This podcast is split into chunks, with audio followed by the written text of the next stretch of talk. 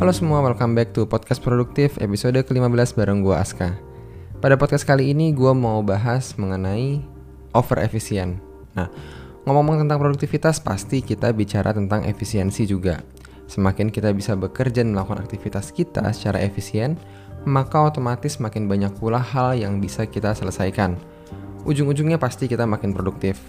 Pertanyaannya, pada tahap manakah kita menjadi terlalu efisien? Atau apakah menjadi sangat-sangat efisien itu selalu baik? Podcast ini gue bikin setelah baru-baru ini ada planning gue yang sudah gue rencanakan sejak lama berantakan karena ada kejadian tak terduga. Jadi ceritain teman-teman, dalam beberapa bulan terakhir ini gue selalu berhasil memaksimalkan jadwal di kalender gue di mana sebisa mungkin tidak ada waktu kosong yang sia-sia. Ya setidaknya jelaslah aktivitas apa yang harus gue lakukan. Uh, seperti yang pernah gue share di podcast gue sebelumnya, gue menggunakan time boxing yang dikombinasikan dengan to-do list. Artinya, setiap jam di kalender gue, setidaknya ada pekerjaan atau aktivitas yang bisa gue lakukan. Walaupun tidak seperti Elon Musk yang dia membreakdown planningnya per 5 menit, so far gua hanya membreakdown per 15 menit. Jadi selama beberapa bulan terakhir ketika semua berjalan dengan sangat baik, gue pun merasa sangat produktif. Terjadi suatu kejadian yang tidak gue planning sebelumnya dan ini menghabiskan kurang lebih tiga hari waktu gue. Akibatnya tugas-tugas, komitmen, pekerjaan banyak yang ke delay gara-gara hal ini. Dan di sini gue sadar kalau time box yang gue bikin tidak bisa sefleksibel itu ketika menyesuaikan ada kejadian yang tak terduga. Yang terjadi selanjutnya adalah gue merasa kewalahan dengan pekerjaan yang tiba-tiba banyak dan menumpuk. Dampaknya hampir seminggu setelah kejadian tersebut, gue cuman berusaha catch up dengan semua pekerjaan dan aktivitas yang muncul. Bahkan gue ngerasa burnout di situ. Di sini gue belajar kalau menjadi terlalu efisien itu juga nggak baik. Ketika semua berjalan dengan sangat-sangat-sangat efisien, maka ketika ada force major atau kejadian tak terduga, maka ini akan sangat berdampak pada proses dan perencanaan yang berjalan gue sebenarnya sadar sih kalau selalu ada faktor di luar kontrol kita yang harus kita pertimbangkan.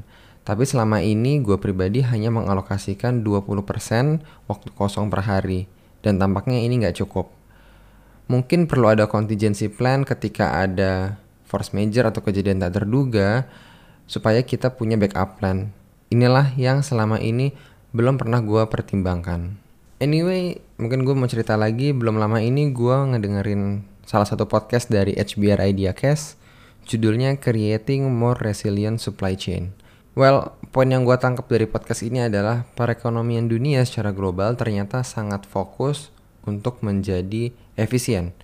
Caranya ya dengan melakukan globalisasi di mana perusahaan-perusahaan besar mengoutsource sumber daya dari negara lain yang lebih murah atau cost efektif dalam konteks supply chain, maka supplier yang bisa memberikan supply terbaik dan harga termurah yang akan dipilih. Kemudian COVID-19 terjadi. Dan banyak banget disruption yang mengganggu proses supply chain. Singkat cerita, perusahaan-perusahaan yang tadi sangat efisien itu sulit beradaptasi dengan perubahan yang mendadak. Nah, moral of the story-nya adalah semakin efisien kita atau semakin efisien perusahaan dalam hal tadi, maka kemampuan untuk beradaptasinya akan berkurang. Hal inilah yang terjadi dengan gue. Jujur aja sejak sebulan gue mulai bekerja dari rumah, gue sebenarnya sudah mulai menemukan tempo yang tepat untuk bisa bekerja secara efisien. Dan setelah itu boleh dibilang gue sangat nyaman karena dengan pola kerja yang relatif stabil, gue pun bisa menjadi produktif. Hingga dalam 2-3 bulan terakhir, gue mulai mengimplementasikan time boxing dan juga uh, to-do list. Nah, kalau dibilang gue selalu memaksimalkan waktu gue juga enggak. Tapi memang gue tidak punya planning atau space yang cukup untuk bisa beradaptasi. Akibatnya saat ada disruption atau kejadian tak terduga, seluruh pola kerja gue menjadi berantakan dan ditambah lagi dengan komitmen-komitmen yang kebetulan saat itu cukup berat, maka butuh waktu untuk recover. Uh, gue juga ketemu salah satu statement yang menarik nih di internet. Jadi suatu sistem atau proses yang berjalan 100% itu tidak akan siap menghadapi perubahan. Semakin signifikan suatu perubahan, maka akan semakin sulit untuk beradaptasi ketika kita menggunakan 100% kapasitas kita. Kenapa? Karena penyesuaian pada satu objek aja atau satu kegiatan akan memberikan dampak pada kegiatan lain. So, dengan kata lain akan selalu ada trade-off antara menjadi efisien dan juga memiliki fleksibilitas yang tinggi. Bila kita memaksimalkan satu faktor aja, maka tentu hasilnya tidak akan optimal. Pertanyaannya, di manakah tingkat optimal itu untuk diri kita? Menurut gue, dalam konteks personal productivity tidak ada satu formula baku yang bisa diaplikasikan ke semua orang. Tidak seperti di bisnis atau di suatu perusahaan ya, di mana ujung-ujungnya bisa dinilai dari financial performance baik jangka pendek maupun jangka panjang. Bila kita mau menghitung produktivitas personal kita, sering kali ini tidak bisa hanya diukur dengan uang yang dihasilkan. Waktu misalnya, kesehatan, hubungan dengan orang-orang terdekat kita, bahkan passion atau self actualization juga bisa menjadi pertimbangan. Intinya tidak semua bisa diukur dengan uang. Apa yang akan gue sampaikan selanjutnya ini murni adalah pendapat gue dari observasi yang gue lakukan. Efisiensi pada konteks personal productivity adalah bagaimana kita mencari cara untuk bisa melakukan pekerjaan kita dengan lebih baik dan lebih cepat. Bila kita yakin dengan apa yang kita lakukan adalah yang terbaik dan sesuai dengan prioritas kita, maka tidak ada salahnya untuk memaksimalkan energi maupun waktu kita untuk hal tersebut.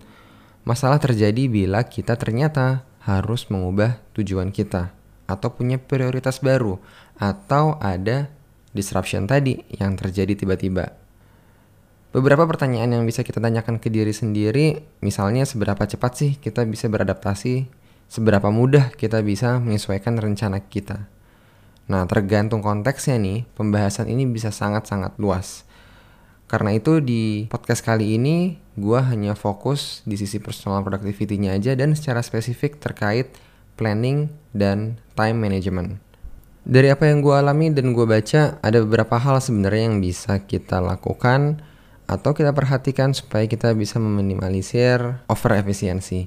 Yang pertama, sadari bahwa ada resiko planning fallacy, yaitu kecenderungan untuk memprediksi waktu yang kita butuhkan dalam menyelesaikan suatu pekerjaan atau aktivitas lebih cepat dari yang seharusnya dibutuhkan. Kedua, sebaiknya kita membuat contingency time. Jadi, kita memang tidak akan mungkin bisa memprediksi masa depan dengan sempurna. Setiap pekerjaan pastinya unik.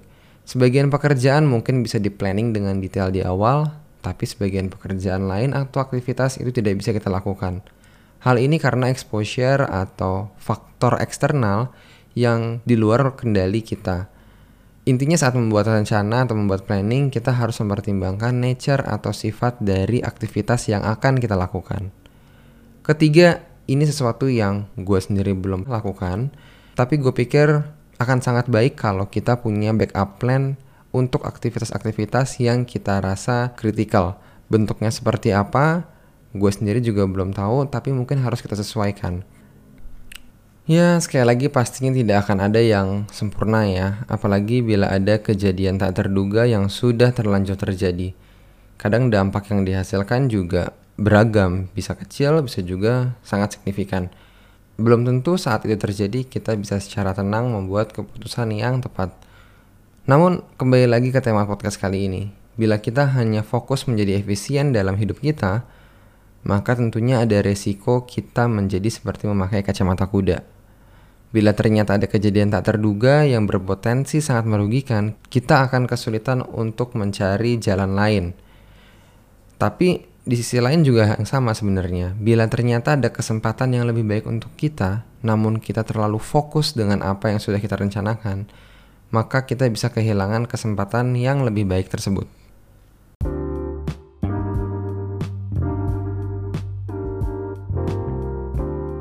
Jadi kesimpulannya mengerjakan aktivitas dengan efisien adalah sesuatu yang baik. Tapi hindari untuk terlalu memaksimalkan waktu dan energi kita setiap harinya hingga terlalu efisien dalam aktivitas-aktivitas yang kita lakukan. Idealnya kita seharusnya menyeimbangkan rencana kita dengan mempertimbangkan potensi kejadian-kejadian yang tidak bisa kita kontrol. Namun pada akhirnya hanya kita sendirilah yang bisa membuat estimasi yang dirasa paling cocok. Buat gue pribadi, gue cenderung untuk sangat konservatif dengan mengalokasikan waktu setiap pekerjaan lebih lama daripada yang gue expect gue butuh waktu untuk menyelesaikan. So itu aja yang bisa gue share di podcast kali ini. Semoga bisa bermanfaat untuk kalian semua. See you di podcast selanjutnya.